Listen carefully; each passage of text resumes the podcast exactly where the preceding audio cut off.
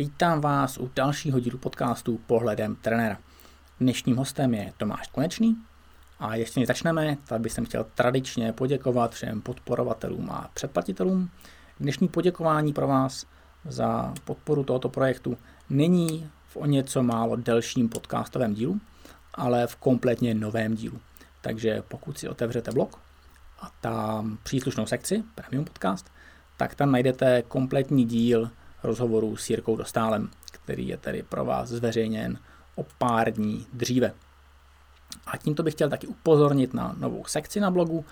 Jsou tam tipy a triky, takové krátké informace, které přidávám zároveň jako screeny na Instagramová stories. Takže já tě vítám Tomáši. Ahoj Marku, děkuji za pozvání. My jsme se konečně spojili po několika, několika týdnech, co jsme, jsme se domlouvali. A jak se máš? Jo, mám se dobře. Samozřejmě asi cyklistika trošku chybí, ale tak sleduju to povzdálí, takže jo, dobrý. Tak povzdálí, jako na závodech eh, tě člověk výdá. Myslím si, že máš na sobě dokonce reprezentační tričko. Eh, já myslím, že povzdálí to úplně není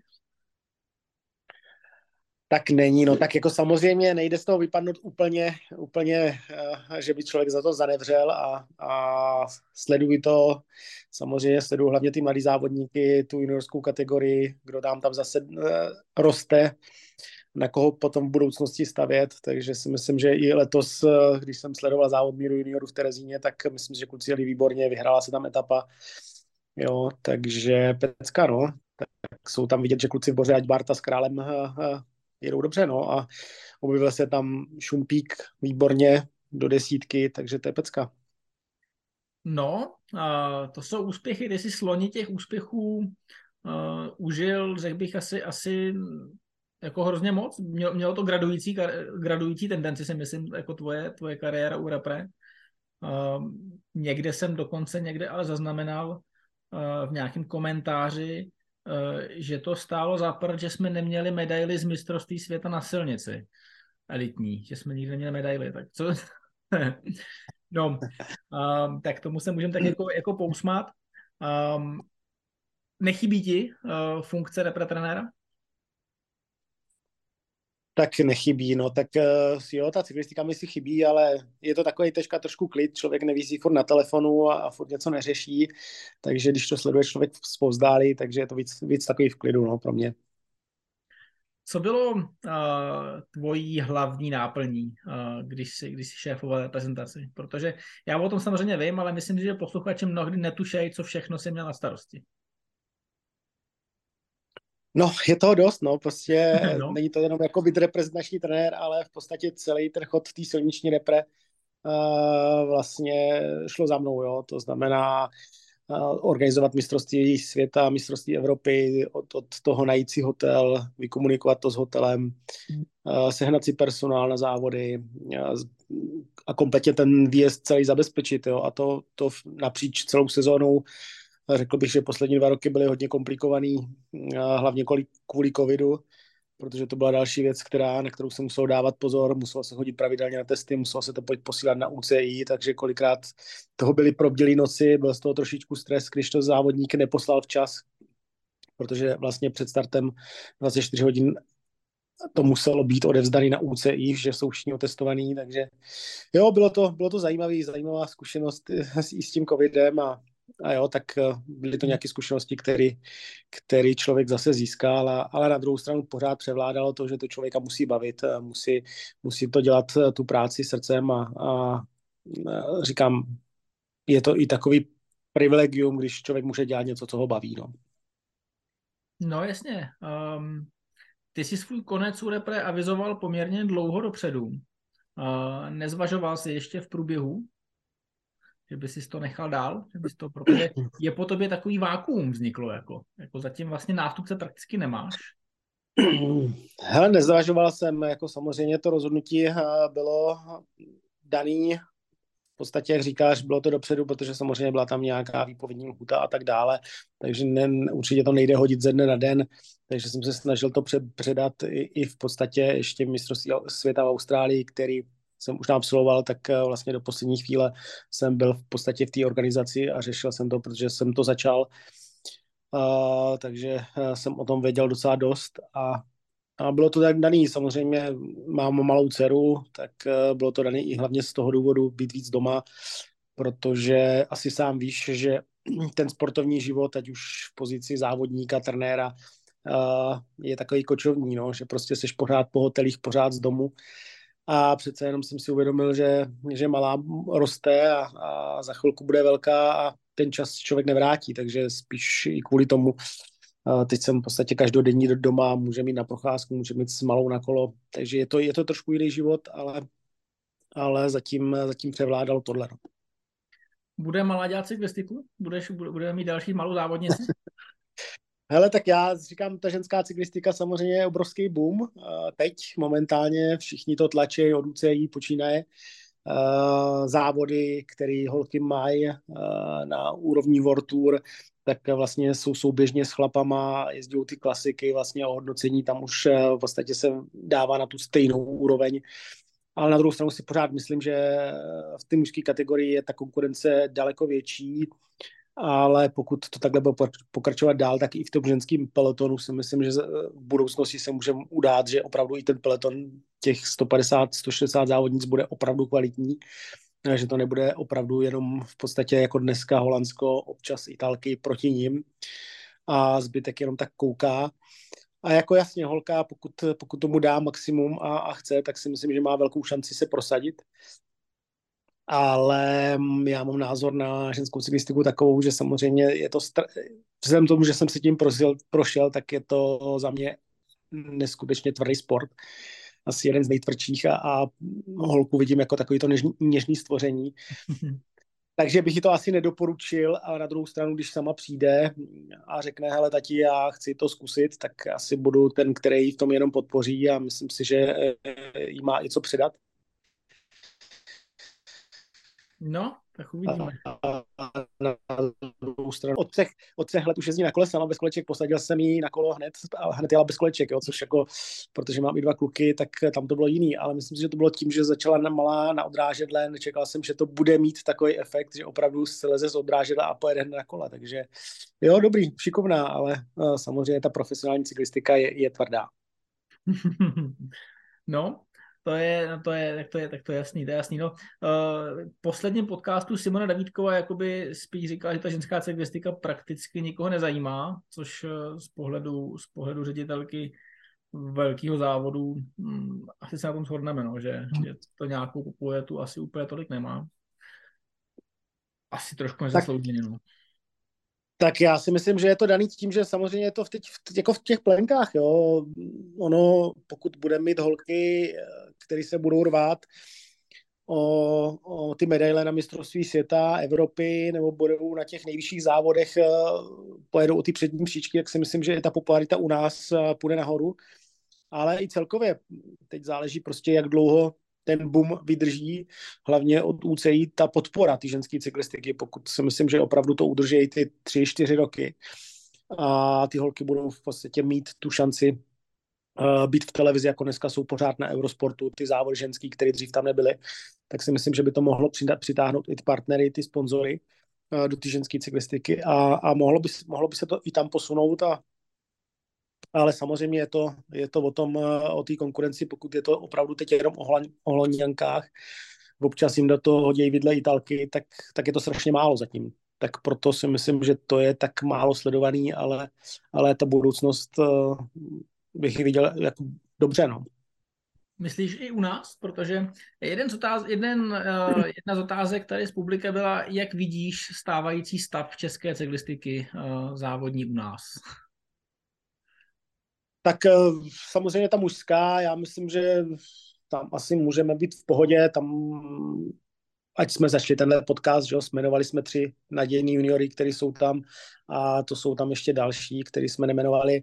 A když se podíváme do 23, tak, eh, tak i tam je kvalitní peloton u nás. Jo, eh, závodníci typu Bitner, Vacek, Matias, tak to jsou top špičky a, a už to ukázali jak v juniorech, kdy prostě získali na Evropě medaile. Uh, Matias byl mistr Evropy v časovce, že jo.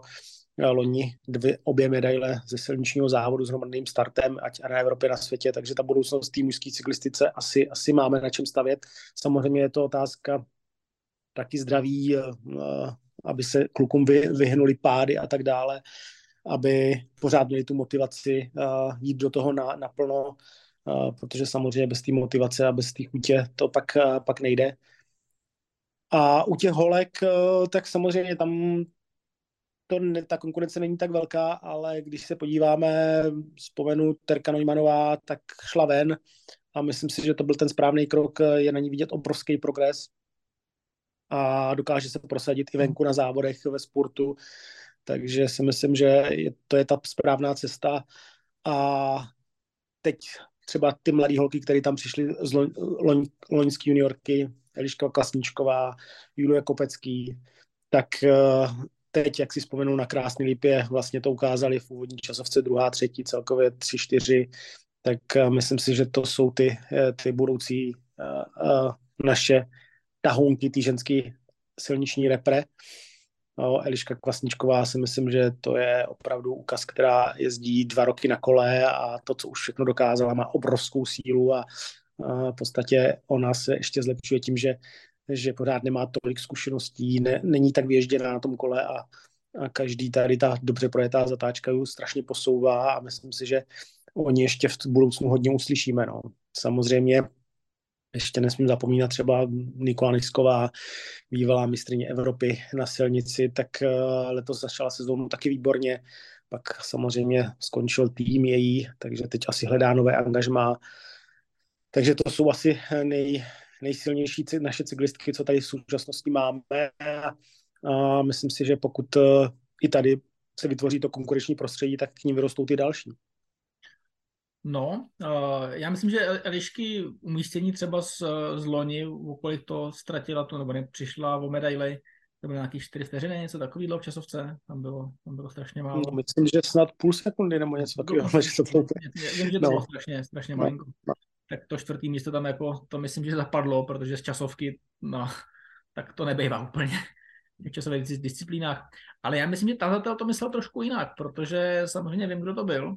On myslel spíš, eh, jestli máme u nás, eh, jak hodnotíš to, že nám ubejvají dospělý týmy. Tady, tady u nás v republice. Ne tak ten světový peloton, ale takový to, takový to zázemí té cyklistiky u nás. No tak samozřejmě uh, taky to pozoru, že vlastně ženský cyklistika tam v podstatě je to postavené na Dukle Praha. Uh, muži, uh, vlastně když to vezmu, tak je tady Elkov Kasper, pak je tady ATT Investment, Sparta, prostě favorit, Dukla něco, takže opravdu těch týmů je málo a ti, ti šikovní závodníci vlastně jdou hned většinou z těch juniorů nebo z těch 23 ven, snaží se ty závodníci, který, který opravdu mají ten potenciál, už hledat si tu cestičku hned, hned do toho zahraničí, protože vidí, když si projdou tou juniorskou kategorii, že prostě jak je posunou ty závody typu Nations Cup, jak se tam jezdí rychle, tak, tak sami moc dobře vědí, že pokud je ta šance jít ven a jezdit kvalitnější závody, tak, tak je to určitě posune. A, takže tady, tady opravdu úbytek je. Asi sám vzpomínáš na svoje, jak si závodil ty, nebo když se vrátím, když jsem tady jezdil já Český pohár, tak opravdu těch týmů bylo víc. A ta konkurence byla větší. A, ale je to daný samozřejmě ekonomickou stránkou, že jo? protože samozřejmě najít dneska partnery na, na cyklistiku je, je strašně složitý. Ono to není fotbalový, hokejový stadion, kdy prostě si ten partner tam vylepí tu reklamu a, a je tam pořád, ty lidi jsou na tom, na tom zimáku, na tom fotbalovém stadioně a, a všichni to můžou sledovat, když to ta cyklistika Víš, jak to je, prostě stojíš u cesty, Frank a peleton je pryč. Takže je to, je, je, je to jenom o tom eurosportu, kde prostě se dokážou eh, prezentovat eh, ty, eh, ty týmy, hlavně v té televizi, ale ta stacionární při tom závodě, tak tam už, tam už prostě pro ty partnery, když tam přijdou, je to strašně složitý. Takže najít vlastně na tu silniční cyklistiku nebo u nás, jako je třeba úroveň českého poháru je strašně složitý. Jo. Samozřejmě najdeš partnery na Tour de France, protože to je obrovský boom, tam ty diváci jsou, tam kdokoliv dá ty peníze, tak jsou zúročený ale samozřejmě v těch nižších kategoriích eh, je to, je to horší. Jo. Vidím to i na strašném ubytku závodu, který dřív byly a dneska nejsou. Jo, vys, nemusíme chodit daleko, náš uh, závod míru, na kterým jsem třeba já vyrostl a pro mě to byl závod uh, století, nebo prostě mm, každý den jako žáček přišel jsem ze školy, fláknul tašku do rohou a, a zazněla ta znělka závodu míru a, a člověk byl přilepený u televize a koukal, koukal na ty, na ty závodníky a to, jo, pak samozřejmě to bylo Tour de France, takže, takže to je, je to o tom, no. No, to já jsem byl ještě poslední ročník závodu míru, no, co se jel 2.6, tak to jsem, to, se, to jsem ještě jel. Um, to ty se bydlali dávno, dávno profiku. Um, dobře, uh, pojďme, pojďme tady dalším otázkám. Um, tak, Kdy se vrátíš k reprezentaci? Nevím, jestli se vrátím k reprezentaci. Jo, je to samozřejmě nějakým způsobem lákavý, jo. Prostě je to adrenalin být na těch závodech, být s těma závodníkama, ale, ale vrátím se k tomu, jak už jsem odůvodňoval, proč, tak, tak teďka, teďka určitě v, krá, v nějakým krátkém čase to určitě nebude. No jasně, tam to, no to pokračuje, jako, jestli to, ta otázka je jako celá věta, jestli to odchod byl způsobený rodinou, tak jestli až uh, děti jako odrostou, kdyby děti teď ne to myšlení dcerou, tak, uh, tak jestli budeš mít ambice se vrátit zpátky do procesu cyklistiky. Tak uh, jo, asi, asi z té cyklistiky člověk pořád nevypadne. Samozřejmě, jak si říkáš, tady jsme pohledem trenéra, tak taky člověk s, nějak pořád funguje v té pozici trenéra na dálku nebo razení, ať už jsou to hobici nebo, nebo některým závodníkům. Rád se jdu podívat na závody, určitě třeba příští týden vyrazím do Jeseníku na závod míru u 23 se podívat na kluky, jak jim to jde a tady, tady v blízkém okolí vždycky na ty závody se pojedu podívat a, a takže, takže určitě je to, ta cyklistika je celý asi můj život, že jo, a, takže hmm. to nejde úplně úplně jako vytlačit ven a říct, hele, teďka už cyklistika vůbec nic, takže určitě zpovzdálí to člověk sleduje a samozřejmě i je v kontaktu jak se závodníkama, tak, tak s trenérama, tak pořád, pořád nějak si povídá a ví, vím o tom dění, co se děje, jak se děje, takže z toho člověk úplně nevypadne, ale, ale říkám, jako, jako práci zatím teďka určitě ne. Jasně, Stej, stejný to hotel. Uh, pokud se nevrátíš k reprezentaci, a on, to furt, on se poslal víc otázek, uh, nechtěl by si nebo nemáš v plánu založit další tým, protože týmů je tady strašně málo pro elitáky? Hele, uh, jako je to asi láka, lákavý, jo, mít, mít vlastní tým, ale jak jsme se bavili, ono je taky otázka uh, sehnat, sehnat ty finance a pak i obsazenost toho týmu, jo, protože je otázka, jestli pak vůbec uh, máme na to tady postavit ještě třetí nějaký tým eh, na úrovni, jako je Elkov nebo ATT investment, jo, jestli máme dostatek závodníků, anebo prostě postavit třeba potom kontinentální, pro kontinentální tým, který už budeš mít složených i z těch zahraničních závodníků, protože v současné době asi, asi prostor pro třetí kvalitní tým, jako jsou ty dva, moc asi není, no tak před pár lety tady těch týmů bylo ještě, ještě víc, že jo? Teďkon, teďkon ehm, tím, že, tím, že nějaký týmy si zavřeli, tak, tak vlastně těch týmů opravdu strašně, strašně ubylo. A což, no je to tak. Hm? Je to tak, ale v podstatě založit si tým, to je to stejné, jak být u reprezentace, jo? když to řeknu, to je prostě spousta času pořád pryč, protože o ten tým se musíš sám dobře víš, jaký to je, musíš se o to starat, eh, a, a aby, to, aby to bylo eh, na té úrovni asi, jaký člověk by chtěl a tak, tak prostě se tomu musíš věnovat na 100%, jo. Hmm. Takže opravdu zase se vrátíš do toho koloběhu a pak už je to jedno, jestli je to teda s týmem nebo, nebo s tou repre. Dobře, otázka od závodníků. Eh, kdy jít ven, jak to zkusit, kdy to zkusit? V karetech, v juniorech, do třeba Hele, zajímavá otázka.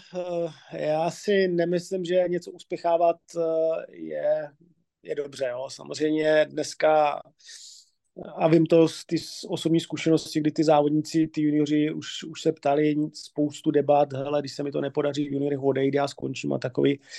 Uh, myslím si, že to není, není ta pravá, pravá úplně cesta.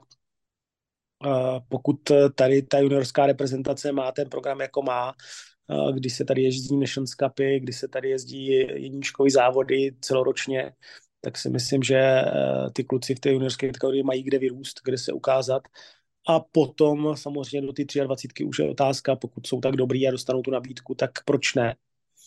Ale do těch juniorů si myslím, že je to docela zbytečný. Je potřeba tady i dodělat tu školu, prostě, aby, aby člověk měl něco i do toho života, protože ten sport samozřejmě je krásný, ale pak stačí jeden blbý pád a, a všechno, všechno zhatí. Takže odkázat se úplně 100% na být v 17 profesionální sportovec není úplně ta správná cesta. No. Takže jako je to spíš v té kategorii U23, no. Ale i tam, jo, pokud je člověk talent, jako jsme vzpomínali, Bitner Vacek, tak tu šanci dostanou, ale a pak bych dal jeden takový příklad Tomáše Bartu, s kterým, který pochází vlastně, nebo je z jeho taťku, se chodil do školy, takže je tam z vesnice, odkud pocházím já, nebo sousední vesnice a přesně s tím taky eh, Tomáš eh, za mě je, je, je kluk, který prostě miluje cyklistiku, dá jí 100, 110%, ale jo, prostě v těch juniorech eh, někteří měli toho talentu víc a on taky pochyboval, jestli to někdy bude mít cenu a, a s okolností říkám, hele, vydrž, to je, to je vytrvalecký sport, když tomu mhm. dáš a budeš poctivě trénovat, tak, tak prostě se tam časem dostaneš. A oni, když podepsal tu pro kontinentální týmu do Španělska, eh, smlouvu do Španělska, tak jsme si psali, volali a říkám, vidíš, to je to, co jsem ti říkal, že nemusíš tam být v těch 19 a dostal se tam teda ve 23, jo. takže a myslím si, že teď má ještě další kariéru 10-12 let před sebou, kdy tam může bez problémů závodit a, a, a může si užít tu profesionální cyklistiku, takže opravdu někdo dostane tu šanci, že má ten talent, může tam jít hned v té 23, ale, ale do těch 25 si myslím, že je pořád čas. A pak od 25 do 35 tam můžeš jezdit. Mm-hmm. Jsi ve spojení se, se, se sportovcem, se kterým asi měl nějaký, kontakt, třeba ať už právě s Tomášem nebo, nebo s bývalými reprezentantama, se kterými, kterými Jo, tak jsem, tak zavoláme si, napíšem si a tak. Zrovna třeba teď, když vzpomenu Karel Vacek, který, který mu se fantasticky vydařilo Giro, tak eh, jsme si hned volali, jen psali, volal se mi tátovi jeho, tak prostě samozřejmě byly to obrovské emoce, který, který tam byly a, a jsem strašně rád, že Karel se vrací pomalu tam, kam patřil v té juniorské kategorii, kdy byl vlastně nejvážnější soupeř MKM Půla a, a prostě tady tohle jeho fantastický druhý místo v té těžké etapě, kdy si to strávil celou den v úniku, tak to zase posune hodně dopředu. Co myslíš, že to znamená, to hodně dopředu, když bys to měl konkretizovat? Hele, tak já jsem takový, že prostě samozřejmě výkonnost je jedna věc, ale asi moc dobře víš, že, že hlava za mě je prostě kolik 50% výkonu a pokud si člověk jako nevěří a, a, a pořád o sobě pochybuje, tak eh, může mít natrénováno a může mít super nohy, ale prostě v tom závodě to prostě nejde. Takže tam si myslím, že v tomhle případě je to hlavně na tu psychiku a na tu hlavu Karla, to, že prostě si začne daleko víc věřit a prostě vrátí se tou hlavou tam, tam patřil a ty nohy už přijdou sami.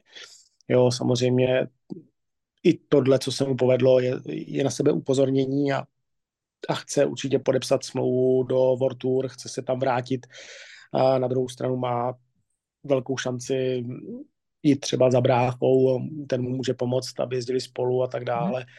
Takže, takže to je ono. Ale, ale u něj si myslím, že je to hlavně ta, ta hlava, ta psychika, která letěla nahoru. Hmm. A na to můžeme navázat tady, na ten první dotaz eh, navazovalo, kdy jít ven, jaký ven. A tady tazatel prosil jako podhrnout to, jak se dostávat ven, jak se, jak se řeší přestupy, jak to všechno probíhá, tyhle ty věci. Uh, tak jak to probíhá? No tak uh, většinou dneska i na těch juniorských kategoriích už, už jezdí i scouti, scouti těch největších worldtourových týmů, koukají na ty závodníky, sledují ty závodníky, takže když jim někdo utkví, v paměti na nějakém závodě, tak ho sledují potom dál a dál a, a pak ho sami oslovějí. Už, už v té juniorské kategorii vlastně jsou ty závodníci oslovení pokud mají ty předpoklady. No. A, a ty závodníci, kteří, kteří prostě nemají ten talent, nevyhrávají v té juniorské kategorii, tak samozřejmě uh, musí si tu cestičku pomalu vydobít. A většinou je to o tom, že, že mají vždycky nějakého manažera, který jim to domluví a jo, je to, je to víceméně přes kontakty většinou, pokud, hmm. pokud, teda, pokud teda nejseš opravdu Vacek nebo Bitner, kdy, kdy prostě přijedeš a jsi mistr Evropy, že? takže to, to ty nabídky přijdou sami. Čím si vysvětluješ uh, to, že teď už teda to není tak úplně akutní, ale před pár lety příval extrémně dobrých mladíků, ať už právě zmíněný Remko, nebo, nebo ta partička, co vyhrává závody od 18 let dál. Ale čím si to vysvětlu, tak uh, na druhou stranu, tak když se podívám na Jana Urlicha, tak taky nebyl moc starý a vyhrával, jo? když si uvědomím, že vlastně vyhrál Tour ve 24, ani ne ve 24, tak v podstatě na tu dobu tehdy byl taky hodně mladý závodník. Jo, prostě doba, doba se trošičku mění a, a pokud je nějaký takovýhle talent, tak prostě se prosadí už takhle mladý, jo. Ať už je to Pogačar, Půl, to jsou fakt super, superstar, super hvězdy, který, který to mají předurčený a, a, a, dej jim to. Ale samozřejmě nahrává tam k tomu taky, taky ten prostor, který dostanou hned, hned od malička. Jo. Já zase, když se vrátím k té naší době, tak uh, to nebylo určitě pravidlem, když přišel jako mladý do týmu nebo byl tam, tak, uh, tak asi tu šanci hned nedostal. Jo. Byli tam ti starý pardálové, uh, vládla nějaká hierarchie a tak dále. No. Takže Eh, je, dneska je to jiný. Dneska prostě i, i ty média, které vstupují do, tý, do, do toho sportu, tak, uh, tak vlastně toho závodníka prezentují. Jo. Já si vzpomínám, když jsem měl poprvé paříž nice tak jsem strávil asi v jedné etapě 60 km v úniku, dojeli mě 10 před cílem a tehdy Patrik Lefebvre přijel do autobusu a říká, no, dobrý, no, a tak to byl zbytečný výlet, jako jo.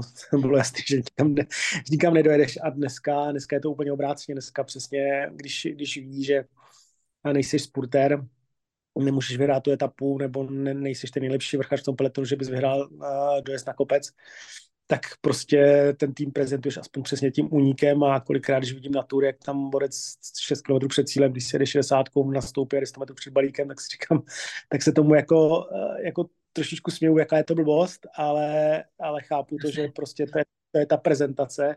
Takže, takže dneska prostě ty lidi dostanou ten obrovský tlak, který tam je, tak dostanou ten prostor, hele, prostě hlavně buď vidět nebo něco. A pak občas je z toho i ten nějaký výsledek, že, že mu to vyjde až do, do té pásky, no, ale, ale samozřejmě jako Evenpool, Pogačár, to jsou prostě nad lidi, to jsou prostě ty talenty, které se ho, rodí jenom jen, jednou za pár let stovky let, bych možná prostě no, to je opravdu. Zase tak stará ta cyklistika není vlastně, jako, nebo ten pro... No, prostě, no, tak jo, desítky, jako, desítky, desítky, jo. No, tak to můžeš srovnávat s Merksem a s takovýma velikánama, že jo, to prostě opravdu každá, každá ta generace měla asi svýho velikána, který prostě byl od malička uh, dobrý, ale, ale říkám, dřív asi nedostal tu šanci, jo, že si to musel na to počkat. Ono i k těm profíkům tě asi nevzali dřív, uh, dřív takhle mladýho. Mm-hmm. Jo.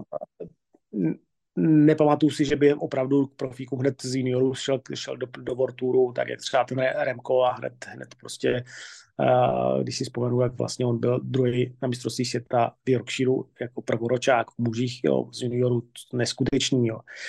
Takže prostě dřív opravdu bylo tam spoustu těch pardárů, který, který prostě ten tým byl takový, bych řekl, i uzavřený. Bylo tam, ty týmy byly menší, jo, než jsou dneska. Dneska prostě ten tým je větší, je těch týmů víc, takže a je to trošku, v tomhle to je trošičku jiný, no. Dobře. Um, jaký jsou, jaká je tvoje oblíbená tréninková metoda? Jaká je moje oblíbená tréninková metoda? Hmm. to vůbec nevím, co na to odpovědět. Ale tak eh, jako nemám úplně nějakou metodu, já se snažím spíš těm lidem prostě veštípit tu poctivost, jo, to prostě, že šídějí sami sebe, jo, a kdy, kdy prostě něco v tom tréninku, když ošídějí, tak, tak prostě neošídějí mě, ale, ale sami sebe a jim se to pak sečte, takže takže já mám rád spíš ty, ty, ty závodníky, který, eh, který jsou ti dříči a, a, a třeba kolikrát, když vidím, že dneska uh, už v těch žáčkách, v kadetech, prostě jsou tam lidi, kteří vyhrávají a už se kolem nich točí svět, když to řeknu, ale já, já když vidím třeba jejich přístup, protože se s nima potkám, stačí třeba jeden trénink, jeden a vidím, že to není pravý Ořechový, že sice teď vyhrává, protože možná je vyspělejší než ten jeho kolega nebo ten jeho soupeř, ale pak přijdou ta juniorská kategorie a tam se to všechno sečte a najednou se objeví úplně jiný lidi, kteří třeba v těch žáčkách a kadetech eh, eh, nebyli, nebyli tak, eh, tak významní. Jo. Takže prostě za mě asi, asi nejvíc ta poctivost v tom tréninku. No. To je, myslím, docela hezký, hezký sdělení. Dobře, hele, já myslím si, že, že jsme si dobře popovídali. Já se pokusím teď natáčet víc kratších podcastů právě v nějakém, v nějakém formátu, uh, takovýmhle nějakým, nějakým svižným. Uh, takže já ti poděkuju a určitě se pokusím s tebou pak domluvit ještě nějaký pokračování. Zase dáme dohromady nějak, určitě nějaké otázky. Dobře, tak jo, tak dík. Budu se těšit.